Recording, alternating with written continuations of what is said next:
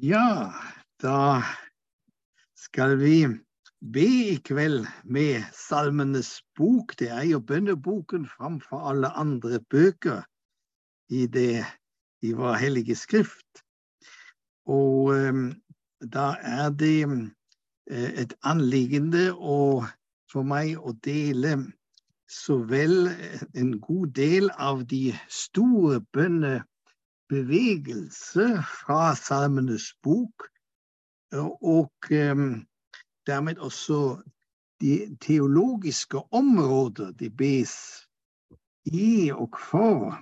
Men jeg ønsker også innledningsvis å si bitte litt noe om eh, tidebønnene, fordi tidebønnene er jo den konteksten for, eh, i kirken for bønn med Salmenes bok. Og eh, det har jo sitt utgangspunkt i at, som vi leser i apostelgjerninger, at apostlene gikk til tempelet regelmessig. Og da var jo de daglige tidebønner en del av eh, jødenes bønnerytme, gjerne tre ganger om dagen. Og um, vi ber liksom som Israel har den gamle kirken bedt, men også med Israel. Og eh, det har jo ført da eh, ut fra tempelet til de store menigheter, som hadde alltid noen som ville gjerne be ofte. Og når man vil be ofte, så avtaler man faste tider for å kunne møtes. Og da oppstår egentlig av seg selv en tidebønnsrytme som det har blitt til i de store menigheter. Og etter hvert kom klostrene og tok særlig vare på en fast bønnerytme. Og etter hvert kommuniteter, og i den katolske kirken skal jo alle diakoner og eh, prester be eh, tidebønnene regelmessig. Det var akkurat nå noen dager i slik en katolsk prestekommunitet, og da bar vi samtidig bønner. Og i Norge har det jo blitt levende gjennom kirkelig fornyelse og gjennom Sandom-bevegelse i vår protestantiske familie. Edin Løvers skjønte at hvis man skal be ofte, eh, så kan man ikke be hele veien med egne ord. Da må man be med Bibelens egne ord. Og da blir det tidebønner. Og jeg har vært så heldig, holdt jeg på å si, da jeg begynte med mitt studium i Tyskland, at vi hadde én professor. Eh, det var vel bare den ene i min tid som samlet i Tyskland også protestantiske teologistudenter til faste tidebønner, og det begynte gjerne klokka syv om morgenen. Og da blir det for meg en veldig berikelse. Og siden har jeg jo møtt det i klostrene, i kommuniteter, retreatsteder, og når jeg kom til Norge, så også i sanddomssammenheng, men også i skikkelig fornyelse. Så vi har en tradisjon som går helt tilbake til jødene, og vi ber med deres bønnebok, altså med Salmenes bok, og så ber vi også med deres egne bønner, og ikke minst Davids bønner, som er jo veldig eh, pregende. Veldig eh, mange av de salmene er jo fra hans egen hjerte og munn. Hvis vi nå skulle se på sånne grunnbevegelser i Salmenes bok, så vil jeg gjerne begynne. Det er så ca. tolv jeg kan uh, se litt på. Og uh, til slutt uh, også på Jesus i Salmenes bok. og vil gjerne begynne med det jeg vil kalle dagens rytme, som Salmenes bok kan gi oss. Vi leser Jeg må bare av og til bøye meg her til min, til min Og da vi leser, leser jeg fra Salme 1. Dere kjenner alltid disse ordene. Eh, Salme 1, vers 1 og 2. Salig er den som ikke følger lovløses råd, ikke går på synderes vei og ikke sitter i spotteres sete, men har sin glede i Herrens lov. Og så kommer det og grunner på hans lov dag og natt. Han er like tre plantet, som vi vet, følger de ordene. Men dag og natt, det er bønnens grunnrytme som salmene minner oss om og om på. Og eh, om morgenen leser vi Salme 5. Om morgenen hører du min stemme, Salme 90. Mett oss med din godhet om morgenen, så vi kan juble og lede oss alle våre dager, Salme 143. La meg høre om din miskunn om morgenen. Så det er veldig eh, viktig den morgentid, fordi vi på den måten begynner dagen med Gud ved å be. Og eh, Salme 16.: Alltid tar jeg Herren fram for meg, jeg får råd fra mitt indre også om natten. Og Salme 22 og Salme 63.: Jeg tenker på deg der jeg ligger og hviler, grunner på Hans ord dag og natt. Det er bønnens rytme. Og eh, i de retritter vi har på Sulas og Pilgrimsgård, minner vi også gjestene gjerne på at man kan ta en vigil, man kan ta en, en tid om natten hvor man også ber Den hellige ånd mekk hvis du vil at jeg skal om natten eh, grunne på ditt ord og be. Så kan vi si at ber vi med Salmenes bok, så kommer vi lettere inn i en dagsrytme, i en bønnerytme. Fordi Guds ord minner oss stadig på det. Jeg stoler ordet, og ordet står der helt sentralt, som allerede i første salme, nemlig jeg grunner på Hans lov. Hans ord er helt avgjørende. Denne kristne meditasjonen som dveler på Guds ord og gjentar Guds ord, så som Eh, jødenes gutteskole har vært gjentagende av Guds ord. Learning by heart. Få dette gjennom ren, enkel, lekende gjentagelse inn i vårt hjerte. Det er, det, det den omgangen med Guds ord som vi minnes på, ikke minst gjennom Salmenes bok, og da ikke minst gjennom den lengste av salmene, nemlig 119 den er jo en eneste lovsang om og over Guds ord, og hva det gjør, og hva det gir oss av visdommen. Og visdommen blir stadig også nevnt som en fukt av det å omgå med Guds ord og be og henvende seg til Gud, så er visdommen også en fukt av det. Og det i motsetning til dårskapet. Ofte bruker salmene kritisk og taler om dårene men vi skal altså bedende, mediterende over Guds ord også få del i Guds visdom. Det var det første eh, området i bønnen. Så går vi videre til Salmenes bok, som lærer oss også en livsrytme. Salme 22. Du dro meg fram fra mitt mors liv. Fra jeg blir født, ble jeg kastet på deg for du har skapt meg og vevd meg i mors liv. Det var 100, fra 100, salme 139. Salme 22 minner oss på, som også andre salmer gjør det, eh, at vi er skapt, og Gud skapte oss og så oss, ja, vevde oss i mors liv. Og um, det er eh, Ja, man kunne her Eh, gå inn og, og, dele hva det kan si oss, og hva det betyr for oss. Men livsrytme begynner liksom med det at vi er skapt av Gud selv i vår mor. Og da også det som jeg ofte, eller flere ganger finner i Salmens bok, nemlig bønn om Gud forlat meg ikke selv når jeg blir gammel og grå. Eh, også det å bli gammel, eh, det å eldes, og det er Salme 90. Du lar mennesker bli til støv igjen. Min levetid er Ja, vår levetid er 70, og hvis vi har livskraft, så kanskje 80. Den realisme som um, vi får hjelp til å si ja til, hvem vi er, skapt av Gud, og, men også med den bønnen om at Gud går med oss gjennom hele livet til vi dør.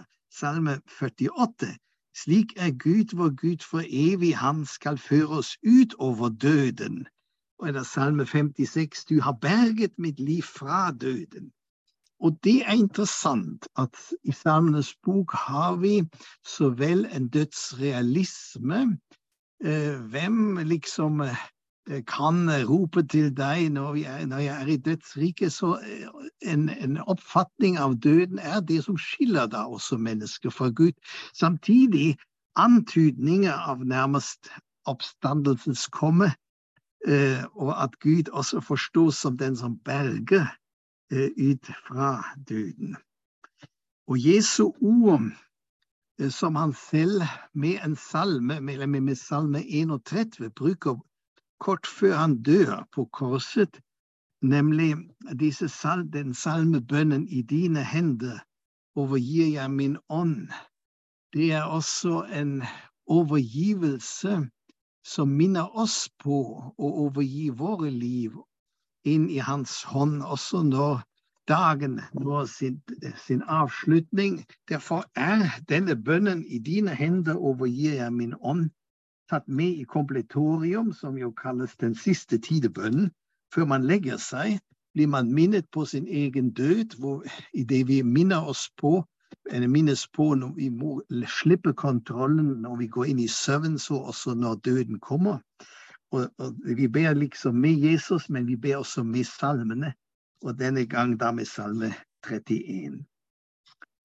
Så vi har her eh, en lær, læringsprosess ved å be, eh, dags inn i, be oss inn i en dagsrytme, be oss inn i en livsrytme, bejager dette. Og jeg må bare si jeg anser det som en stor gave å kunne stadig bli minnet i kompletorium på denne bønnen og be den, eh, også som en slags forberedende bønn. Det neste er denne lengselen som bønneboken er preget av. Salme 119, for eksempel. Lengsel etter dine lover fortærer meg dag og natt. Eller jeg tæres bort av lengsel etter din frelse, også fra Salme 119. Jeg tror ingen andre bok i, den, i Bibelen er så sterk eh, eh, og så sterk talende om vår lengsel etter Gud. Og idet vi ber dette, idet vi leser dette, så, så minnes vi i oss på den lengsel vår sjel har etter Gud. Og da vil jeg bare lese noen flere vers fra Salme 42. Det er kanskje ved siden av 63, den salmen som særlig ved siden av 119, som vi allerede hørte, eh, veldig taler om lengselen. Det er jo litt for langt, men jeg leser en god del av Salme 42. Som hjorten lengter etter bekker med vann, lengter min sjel etter deg, min Gud. Min sjel tørster etter Gud, etter den levende Gud. Når skal jeg få komme fram for Guds ansikt? Tårer er mitt brød dag og natt, hele dagen spør de meg, hvor er din Gud? Dette minnes jeg Min lengsel veller fram. Til Guds hus vandret jeg i festskaren med jubelrop og lovsang, en pilegrimsskare i fest. Hvorfor er du tynget av sorg, min sjel? Hvorfor er du urolig? Jeg vil vente på Gud. Enda en gang skal jeg prise ham, min frelse og min Gud. Og så kommer han enda tilbake til denne lengselen han har i sin sjel etter Gud. Det å be med Salmenes bok styrker vårt behov vi jo alle har etter Gud. Vi blir oss mye mer bevisst. Vi sier ja til det. Vi uh, gir rom for det. Og denne lengsel fører oss til stillhet. Det erfarer vi særlig i retreatsammenheng. Salme 37. Vær stille for Herren og vent på ham også Salme 42. Jeg vil vente på Gud. stillhet og lære seg å vente. Øve seg i tålmodighet, men i en forventning som retter seg i lengsel mot Gud, hører i sammen. Bare i Gud er jeg stille, fra ham kommer min frelse, fra ham kommer mitt håp. Salme 37. Eller 100, salme 131. Nå har jeg fått min sjel å bli stille. Det er vel bare sagt så tydelig i denne lille salmen, en av de korteste vi har, at vi også gjennom bønn øver oss i å bringe vår sjel til ro og la det bli stille. Det er en del av bønnens vei som dere kjenner til, og som salmene minner oss på. Derfor lærer de oss å leve i lengselen, lærer oss å bli stille. Så er et lite ord ikke så sjelden å finne i i salmene, nemlig det lille ordet he. Og i dette ligger også den Gud som kler meg i styrke og gjør min ferd hel, salme 18, eller salme 15, som gjør rett og er hel i sin ferd, den elskes Gud. Altså, vi er fra Gud kalt til en helhet, hvor våre splittede deler i Kristus, vet vi som troende, føyes mer og mer sammen. De helbredes i vårt hjerte. Og uh, hjertet er et av hovedbegrepene når det gjelder det antropologiske syn i psalmene, som jeg ikke har tid til å gå nærmere inn nå. Men i salmene tenner, de salmene tenner i oss altså lengselen etter Gud og stillhet og det å bli hel. Og det skjer også ved å be. Så går vi videre til en helt annen område i Salmenes bok som er veldig fremme, og det er kamp mot det onde. Gud hører på, hjelper de fattige, enker, farløse, de undertrykte. Salmene ber mot dem som gjør urett mot de vergeløse, de svake.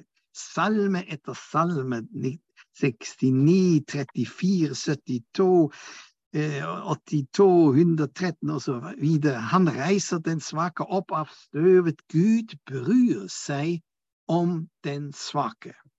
Gud vil beskytte den svake. Og salmen minner oss på at Gud står imot dem som undertrykker, som utnytter de enke og farløse, som undertrykker og misbruker de fattige som de vergeløse, de svake. Det er en veldig sterk diakonal grunnholdning i hele Salmenes bok. Og vi legger merke til også denne, jeg vil nesten kalle langt på vei sunne aggresjonen vi her um, møter i den, i den salmebederen mot, dette, mot den uretten, men også mot dem som tilfører, påfører urett. Og slik lærer salmen oss barmhjertighet med og kjærlighet til de svake. Ja, sender oss ut til dem som trenger oss. Og slik kan man si at Salmenes bok er preget av en diakonal ånd. Når vi ber dem, så sender Gud oss selv ut. Når vi da så går videre, eh, så kommer vi til det som er jo i Salmenes bok også veldig fremtredende, nemlig syndens forferdelse, syndens nedbrytende virkelighet. Og um, bare Salme 25, se min nød, mitt strev, og tilgi min synd, den er stor. Men jeg vil gjerne lese særlig fra Salme 51, som jeg gjerne også bruker i rammen av skriftemål liturgien, og den eh, har kanskje ved siden av salme 32, 51 en spesiell dybde. Vær meg nådig, Gud, i din kjærlighet, stryk ut mitt lovbrudd i din store barmhjertighet. Vask meg ren for skyld, og rens meg for min synd. For mine lovbrudd kjenner jeg, min synd står alltid for meg. Mot deg alene har jeg syndet. Det som er ondt i dine øyne, har jeg gjort. Derfor har du rett når du taler, du er ren når du feller dom. Ja, med skyld blir jeg født, med synd blir til i mors liv. Se, du gleder deg over sannhet i mitt indre. Du lærer meg visdom i det skjulte. Ta bort min synd med isop, så jeg blir ren. Vask meg, så jeg blir hvitere enn snø. La meg få oppleve fryd og glede, la de lemmene du knuste, få juble. Skjul ditt ansikt for mine synder, og utslett all min skyld.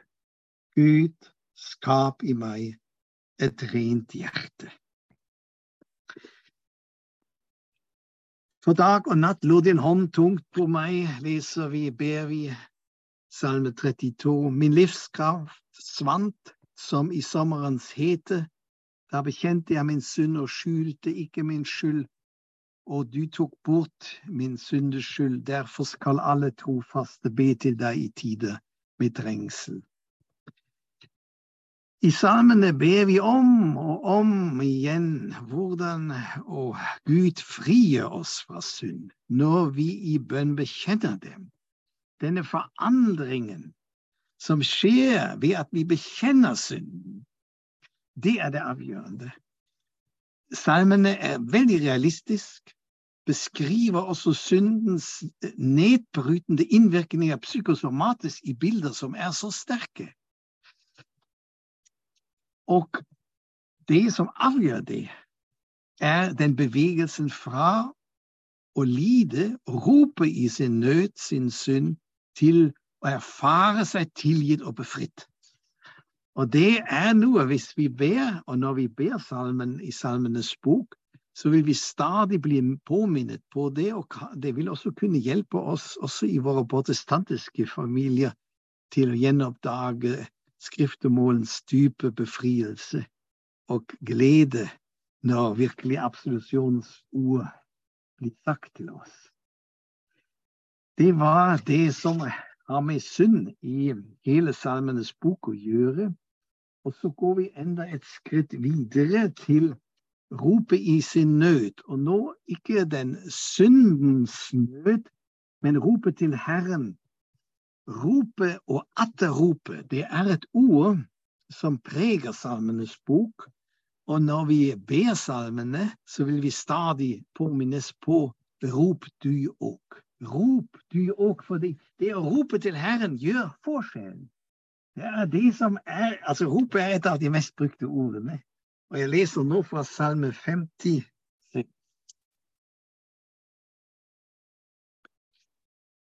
fra det andre vers.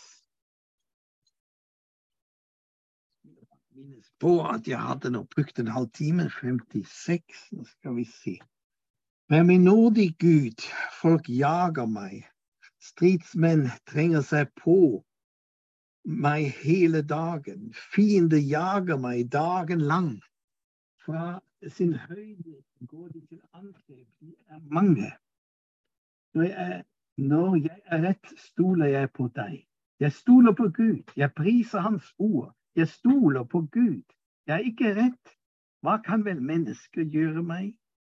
De vrir på ordene mine dagen lang. De tenker bare på å skade meg. De slår seg sammen og ligger på lyr. De vokter mine skritt, venter bare på å ta mitt liv. Skal de slippe unna med sin urett, styrt folkeslag ned i den vrede Gud? Du har talt mine hjemløse skritt, mine tårer har du samlet i en lærflaske. Står det ikke i din bok? Derfor må fienden trekke seg tilbake den dagen jeg roper. Jeg vet, det vet jeg, at Gud er med meg. Jeg stoler på Gud. Jeg priser ordet. Jeg stoler på Herren. Jeg priser ordet. Jeg stoler på Gud. Jeg er ikke redd. Hva kan et menneske gjøre meg? Jeg vil holde mine løfter til deg, Gud. Derfor kommer jeg med lovsangsoffer til deg. For du har berget mitt liv fra døden og foten fra å snuble, så jeg kan vandre for Guds ansikt i livets lys.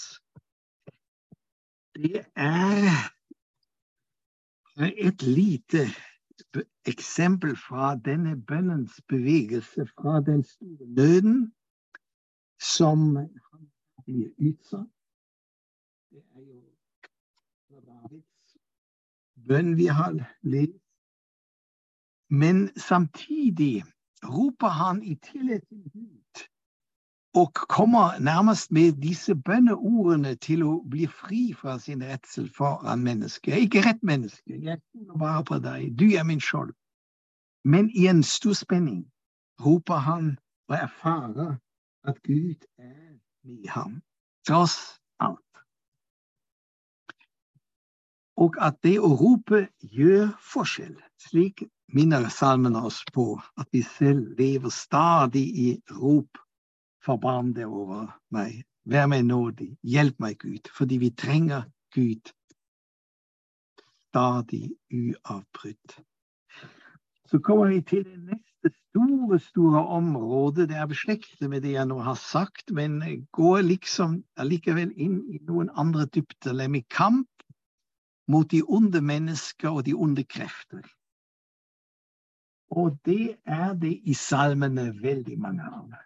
Selv i Davidsalmer beskriver en stor nød han var utsatt for, mennesker som forfulgte ham, ville drepe, mange store hær som gikk løs på han og hans menn.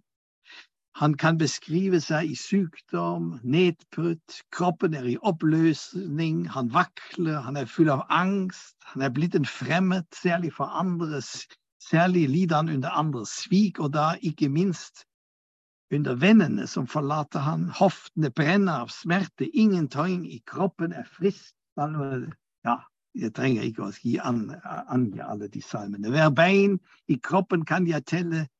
Salme 22, som da også blir en salme for Jesus på korset. Men så, når han beskriver disse forferdelige mennesker, smerter, nedbruddheter, så skjer det om og om og om igjen. En snubevegelse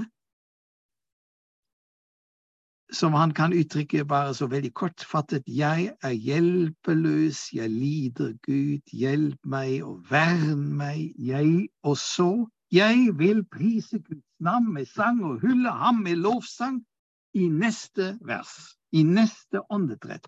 Det er salmen 69, vers 30-31.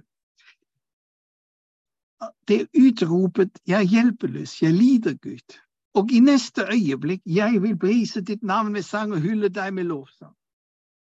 Og det er ikke én gang, det er typisk. Det kommer om og om og om igjen. Og jeg kaller dette en guddommelig snubevegelse i hans hjerte, i hans sinn, i hans erfaring, i hans fokus, hvor begge kommer så tett sammen. Den eh, lidelsesfulle virkelighet og tilliten som i neste øyeblikk kan bli sågar til lovsang. De som sår med med tårer, skal høste med jubel, salme 126. Da har vi noe av det veldig pregnant. Tårer høste jubel.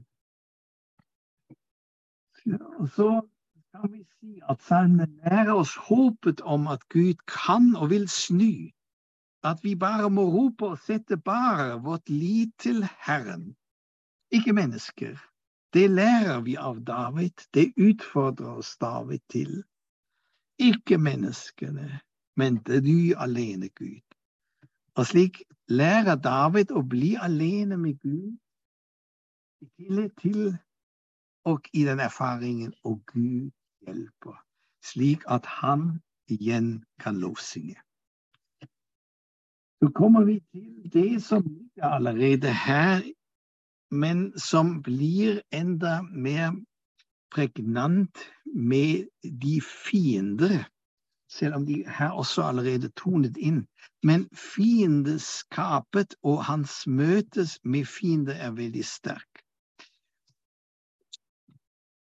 Og det blir så sterk iblant at salmene at de beskriver en aggresjon mot dem som la oss som Kristus pregde troende nærmest stusser, og som kan gjøre oss usikre.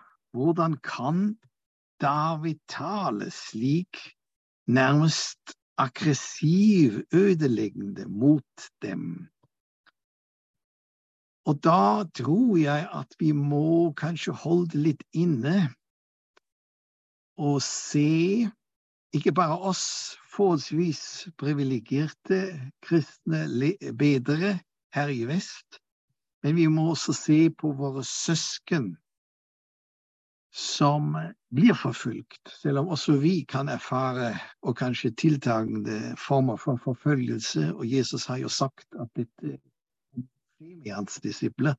Men andre blir jo virkelig voldelig forfulgt, blir martyrer, og det tiltar hvert år nesten. Og jeg mener, eller antar, at hvis vi er i slik en livserfaring, så vil også denne fiendskap vi møter her i salmene, blir, kan bli for oss noe forløsende. Men vi som Kristustroende vil gi det over til vår Herre, og kanskje til og med la vår Herres ord tone inn i dette som er en annen tone enn den David har, nemlig sågar deres fiender. Men det er noe forløsende å se også denne lidelsesfulle motstand salmebederen kan utsettes, vi kan utsettes for. Den andre hjelpen i møte med disse onde krefter, som vi jo ønsker egentlig humanistisk, mer eller mindre, som vi er preget mer og mer av, jo å forstå og omgå annerledes med enn de ordene til David iblant tyder på. En annen måte å hjelpe oss til en annen form for eh, tolkning av Guds ord her er å se i dem ikke bare, og kanskje ikke først og fremst, mennesker, men de onde krefter, makter, myndigheter og velde ifra himmelrommet. Vi har iblant tekst, altså salmer hvor vi vet her er det helt entydige mennesker, men ofte kan disse bilder David bruker, brukes for de onde krefter og de møter vi alle. Og når vi lærer å be, blir vi raskere og raskere bevisst at vi møter dem. Og hva de gjør med oss, ikke minst gjennom tanker, ikke minst gjennom bilder og følelser de utløser. Og da kan denne sunne aggresjonen, som også salmene gir rom for, og som David har så mye av, den kan hjelpe oss til å rette disse Å rette bønnen mot disse krefter, og som vil slå oss ned, som vil fange oss i oss selv, som vil ta fra oss mot og håpet, og be mot dem også med salmenes ord. Da kan vi også med ettertrykk be disse salmene mot dem. Og da blir det igjen meningsfullt og ikke noe som vi må bare legge bort, men vi kan gå inn i. Tar vi enda et skritt videre, og da kommer jeg til lære fra historien, som salmene også er preget av. og ikke, da, ikke, da naturligvis jødenes erfaring med Gud gjennom historiene deres. Så mange av de hendelser vi ellers kjenner fra Det gamle testamentet, de blir vi jo minnet på og hva Guds folk måtte lære av disse, og også lære gjennom deres svik av troen, og hvordan de har forlatt Gud og tilbedt andre guder og har forkastet Hans ord. Og det er en historisk lærdom som vi også må dele med våre jødiske bedre. Og vi kan på den måten lære også av det som er den mørke historien, men samtidig er det hele veien i bønnene også beskrevet hvordan Gud allikevel er tålmodig, hvor allikevel er barmhjertig, allikevel hjelper og kommer til unnsetting, men prøver, prøver også skjeende. Så salmen gir oss et åndelig minne og vever oss i sammen med Guds folks erfaringer. Så kommer vi videre til det som har med kongen. Og kongen er jo med David naturligvis uh, umiddelbart også den menneskelige konge, men ikke minst Gud som konge er helt sentral i veldig mange salmer. Salme 29 Herrens skal tro uh, skal komme, Herren på tronen skal være konge for evig, eller 44. Bare du er min konge og Gud, eller 47. Syng, syng og spill for vår konge. Salmene lærer oss å gjenvinne Gud som konge, og dermed lære å innta proskynese, en bøyende holdning, hvor vi tilber Gud og bøyer oss for Gud. De ortodokse har det jo alltid i liturgien i hver gudstjeneste med, også kroppslig. Og vi har med Gud vår høyeste konge, som fins over alle folkeslag. Og Gud er konge over alle, alle, folkeslag, som det heter i Salme 47. Og her kommer også allerede den universale troen som vi jo i misjonen lever i, kommer inn i bønnene våre, nemlig at Gud vil være konge over alle konger og vil nå ut til alle folkeslag, og alle folkeslag skal komme til ham. Så det er eh, faktisk gjennom å be salmene at vi også lettere kan vinne tilbake vår personlige konge i Gud. Og uh, iblant uh, må vi gå en lengre vei i de lange retriter med mennesker for å kunne forstå at Gud virkelig vil være også enhver troendes konge, og bøye seg, innta en holdning som vi jo har i våre moderne demokratier, med kanskje en mer symbolkonge, sånn, sånn god konge, konge, vi har i Norge, går det jo lett for seg. Men her er det en, også en lydighet og en, en lydhørhet som bøyer seg og ærer og følger han inn i kampen, som det også er, og salmen er også preget av en kamp, fordi vi har en konge som vi skal være lydige mot og kjempe med ham mot de onde krefter i våre egne liv, men også i samfunnet. Så kommer vi til, og da nærmer jeg meg det tredje siste, tror jeg, fokus, det er Jerusalem, Guds bolig. Lengselen etter Guds hus, etter det, å være der hvor Gud bor, på Sion i Jerusalem, finner vi i veldig mange salmer. Salme 42. Dette minnes jeg, min lengsel veller fram. Til Guds hus vandret jeg i festkaren med jubelrop og lovsang i pilegrimskaret i fest. Det er jo noe som vi ikke lenger har eh, så mye erfaring med. Jesusbarnet gikk jo på den måten til Jerusalem. Og um, vi har faktisk fra salme 120 til salme 134, altså det er 14 de siste eh, ja, nesten de siste eh, salmene, men det siste er jo 150, er alle festreisesalmer. Og det å være på vei til Guds bolig og i lengsel etter der hvor Gud bor, det har jo fått hos oss i Kristus, og etter at tempelet blir ødelagt, en annen vending. Men i kjernen har vi noe av den samme lengselen med å være der hvor Gud møter oss. Og denne lengselen skal vi også gi rom for. Hvor lengter jeg hen når jeg vil møte Gud?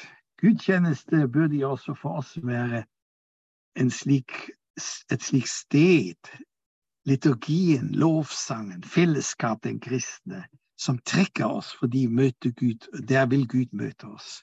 Men for oss troende vet vi vet Gud vil å ta bolig i den troendes hjerte som tempel. Vi blir med vår kropp Guds nye tempel. Dermed har vi ikke den fysiske tempel lenger, slik eh, jo eh, også noen kristne fortsatt nesten ønsker seg. Og eh, lov til fest og feire Jerusalem. Jeg har medarbeidere som gjør det gjerne, og det kan jeg forstå. Men eh, vi vet at det å møte Gud ikke er avhengig av å komme til Israel. Vi eh, skal ha plasser hvor vi, og særlig gudstjeneste og fellesskap, hvor vi vet her møter jeg ikke minst i sakramentene er Gud. Da møter vi Gud. Virkelig er han der. Men også ikke minst i våre hjerter, og gi dermed også hjertet rom. Og gå inn i sitt hjerte også i fastetiden for å kunne møte. Og han er òg bedre å være i ditt, din bolig, i din telt, enn å, enn å, sitte eller ligge eh, i de gudløses boliger. Eh, så det er en sterk, sterk prioritering av stedet og stedet hvor Gud vil la seg møte.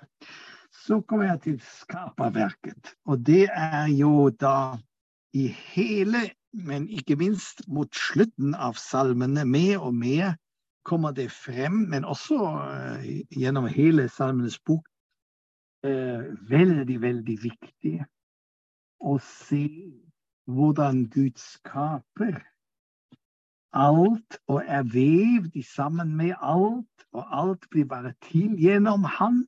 Og alt blir bare ordnet og holdt i livet med, sin, med hans skapende pust. Og alt har en ordning som vi vet er minutiøs i sine marginer, med en, med en uh, utrolig ja, uh, skjønnhet, men også intelligens, hvordan vi tar alt skapt i rette målestokk i forhold til hverandre, og i forhold rette forhold til hverandre.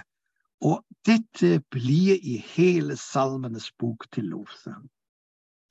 Altså, vi har, det, vi har det på så mange steder. Eh, salme 84, for eksempel. Det er bare ett vers, men så må jeg særlig også lese litt mer av salme 104. Men 84 Og det, ja, 84, det, det, er den vakre salmen om lengsel. Forteres av lengsel, jeg lengter, forteres av lengsel etter Herrens forgårder. Nå jubler hjerte og kropp mot den levende Gud. Spurven har funnet et hjem, svalen har fått seg et rede, hvor den kan legge sine unger ved dine altere, Herre Sibaot, min konge og min Gud. Og den salmen 84, som da beskriver hvordan selvstendig får seg sin plass ved hans alter, og svalene har fått sin rede, og det, det, må jeg bare fortelle dere en liten erfaring som er vakker, og den tenker jeg dere har kanskje glidd å høre. Jeg hadde en retreat for mange år tilbake for uh, danske prester i Danmark på et katolsk uh, ja, uh, sommersted, men de hadde en fin kapell der. Og dette kapellet var pga. varmen var døren slått opp. Så den sto åpen når vi da hadde våre tidebønner, og så ba vi denne salmen 84.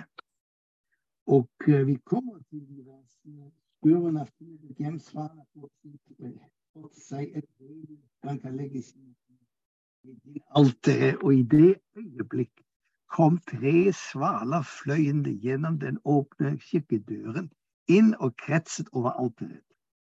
Da var det flere som fikk tårer i øynekroken.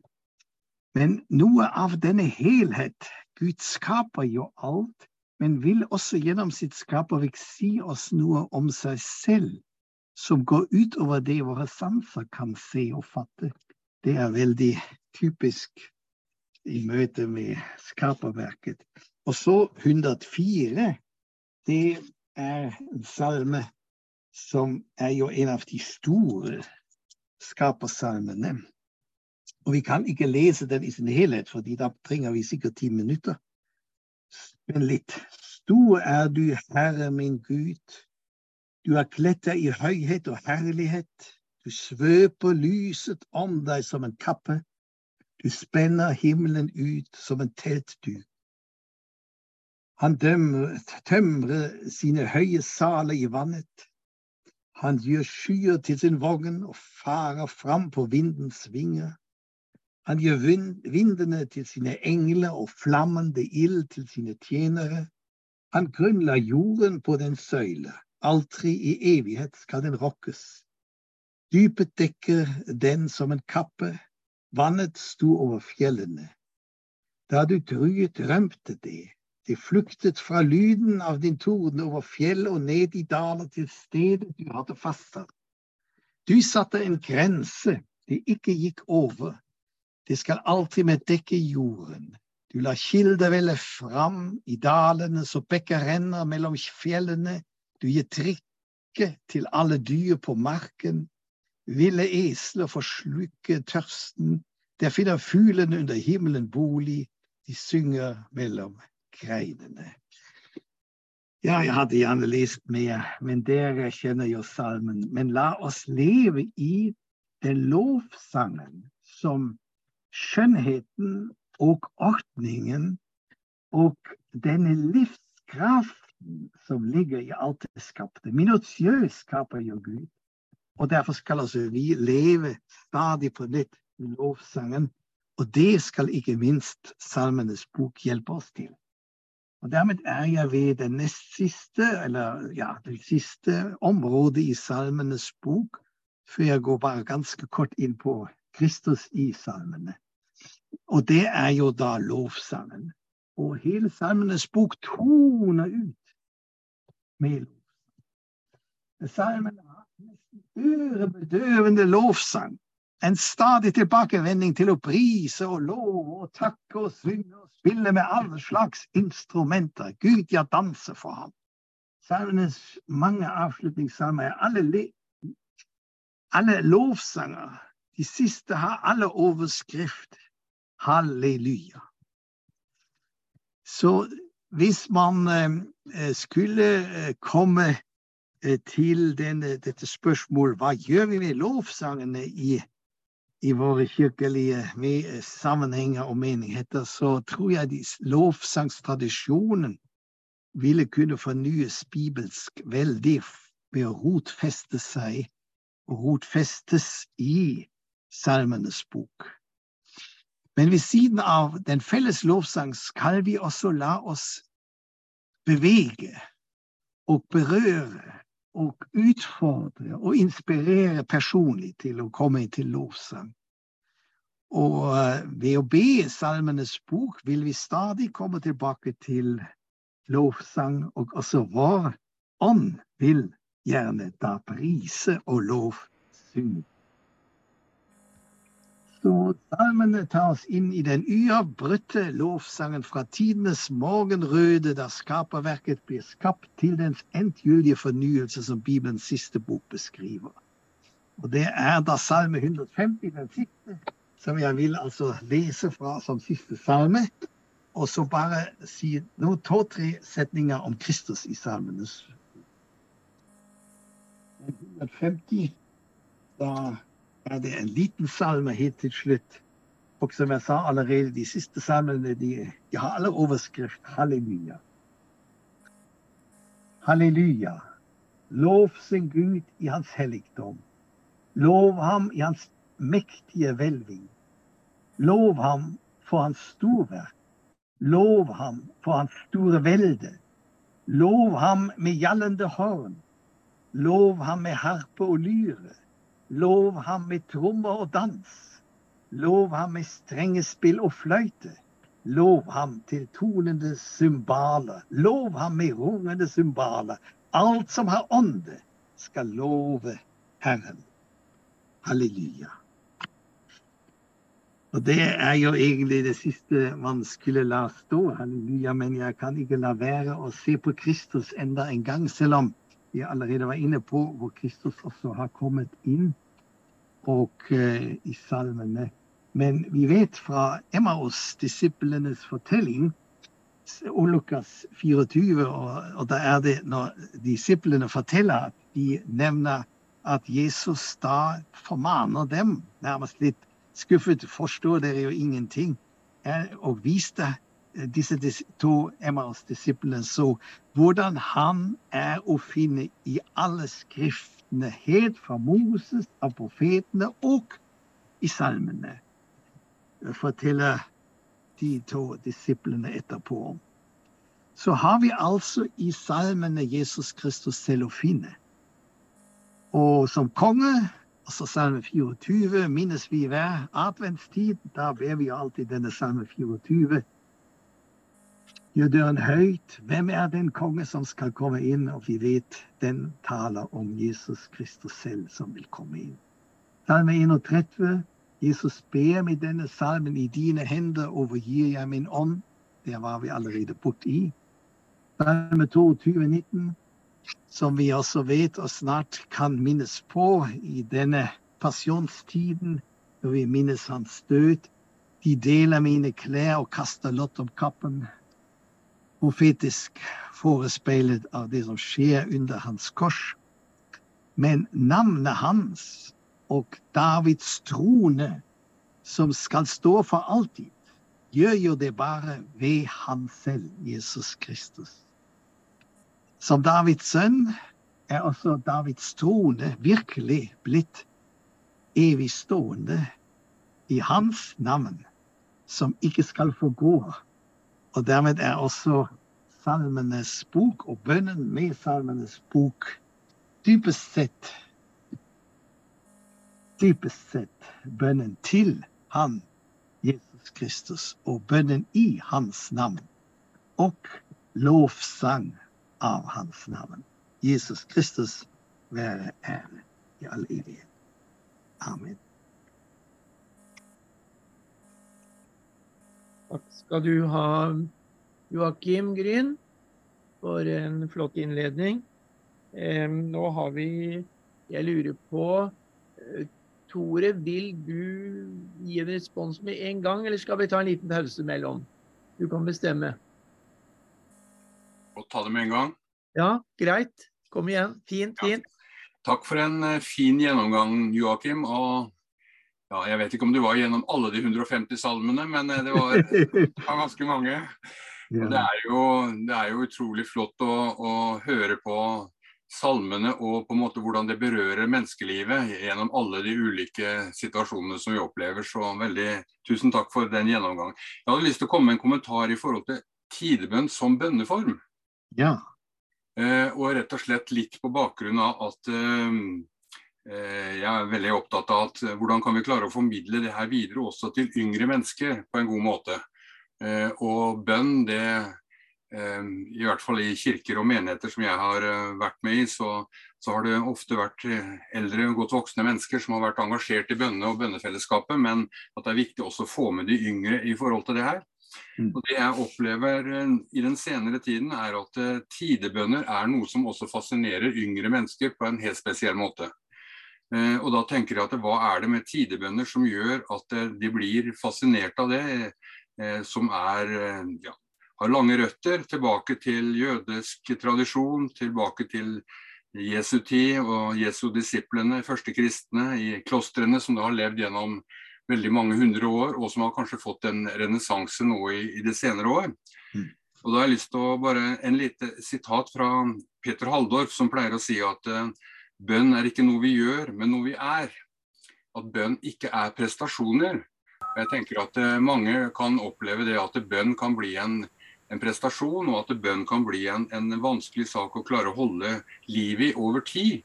Mm. Uh, og Der tenker jeg at tidebønntradisjon har en slitestyrke i seg som gjør at det er noe å, å, å, ta med seg inn i hverdagen. Og det gir også en disiplin i forhold til hvordan en uh, strukturerer hverdagen sin. Og jeg tenker at uh, mennesker av i dag trenger også en, en åndelig disiplin. så det er noe jeg setter veldig pris på. Så syns jeg det er veldig flott at vi også kan i disse digitale tider også få mer over på digitale medier. og det finnes jo en, en, felles nordisk eh, app nå, en Tidehjernen som det heter. Eh, som jeg har brukt nå en stund sjøl, og som jo har utgangspunkt i, i kommuniteten til i Bjerka Seby, men som også nå er andre tradisjoner som er kobla på. Og Der ligger vi også nå i døgnet nå på rundt 500 personer som ber hvert døgn de, de forskjellige tidebønnene. Ikke alle tidebønnene, men eh, spesielt mye kanskje på kompletoret på kvelden og på, på laudes på, på, morgenen. Så jeg tenker at det er også fint å kunne klare å finne, finne en god måte å involvere yngre mennesker inn i det her på. Eh, og også få det inn i menighetsfellesskapet på en god måte. Jeg vet ikke om du har noen kommentar til akkurat det med yngre mennesker, og hvordan vi kan gjøre det? Ja, det er veldig gledelig uh, for oss som har levd i tidebønnene litt mer sånn uh, ensomt. Jeg er kanskje ikke ensomt, men jeg har alltid bedt sammen med andre. Men uh, ikke særlig forstått i protestantisk sammenheng i en god del år at vi ser det nå forandre seg. det. Ja. Og um, det, det, sa nylig um, Andreas um, uh, fra Ungdom i oppdrag til meg. Han sa at de hadde vel i, bare i Oslo var det 15-16 husfellesskaper hvor man også ba tidebønner. Så det har, jo, det har jo fantastisk spredt seg blant de unge. Og, og, jeg tror det har også å gjøre eh, altså Vi opplever det også positiv respons når vi har særlig retreater for unge. Og eh, jeg tror det har også å gjøre med at veldig mye av bønnelivet er jo forbundet med å måtte gjøre det selv med sine ord og sine musikalske uttrykk. Altså slik at det blir noe som på en eller annen måte er forbundet med 'jeg må gjøre det', 'jeg må prestere det her'. Og da blir jo også det besværlig i lengden. Altså, jeg har vært glad for å kunne være i en kristen sammenheng i mine ungdomsdager hvor man hadde også frie bønner. Og vi har alltid i våre tider bønner også gitt tid for frie bønner. Men hvis bønnemøtene bare skal være våre egne ord, det var det som Edin Løvers altså begynte med. Eh, han samlet jo brødre som var eh, delvis riksevangelister, og, eh, men med, med, mange ord. Og når de da skulle altså ha retreat første gang, så skulle de mange ganger komme sammen til bønn. Og alle bønnemøter var jo med egne ord. Så at de etter den andre tredje dag ble utslitt og spurte seg hvordan i all verden skal vi være her i stillhet så mange dager. Og da fikk han råd, altså Edin Løvers, av en angikansk prest og sa hvis dere vil regelmessig og ofte be, så må dere be med Guds ord. Og da blir jo også tidebønn en del av retreatbevegelsen, altså gjennom, gjennom Sandom-liturgien. Så jeg tror tiden er inne, og de unge er også delvis matt. Jeg tror ved siden av den velsignelse lovsangen er så er den jo også utrolig uh, energi. Uh, den gir energi, men det, det, krever også mye energi. og Derfor tror jeg at å lære seg å be med ord som man ikke selv må finne, sal, melodier man ikke selv må instrumentere, uh, men hvor lovsangen inngår, og det gjør det jo i alle tidebønner, har vi jo, bibelske, har vi jo klassiske bibelske lovsanger med det tror jeg har en appell, ikke minst i våre dager, til de unge.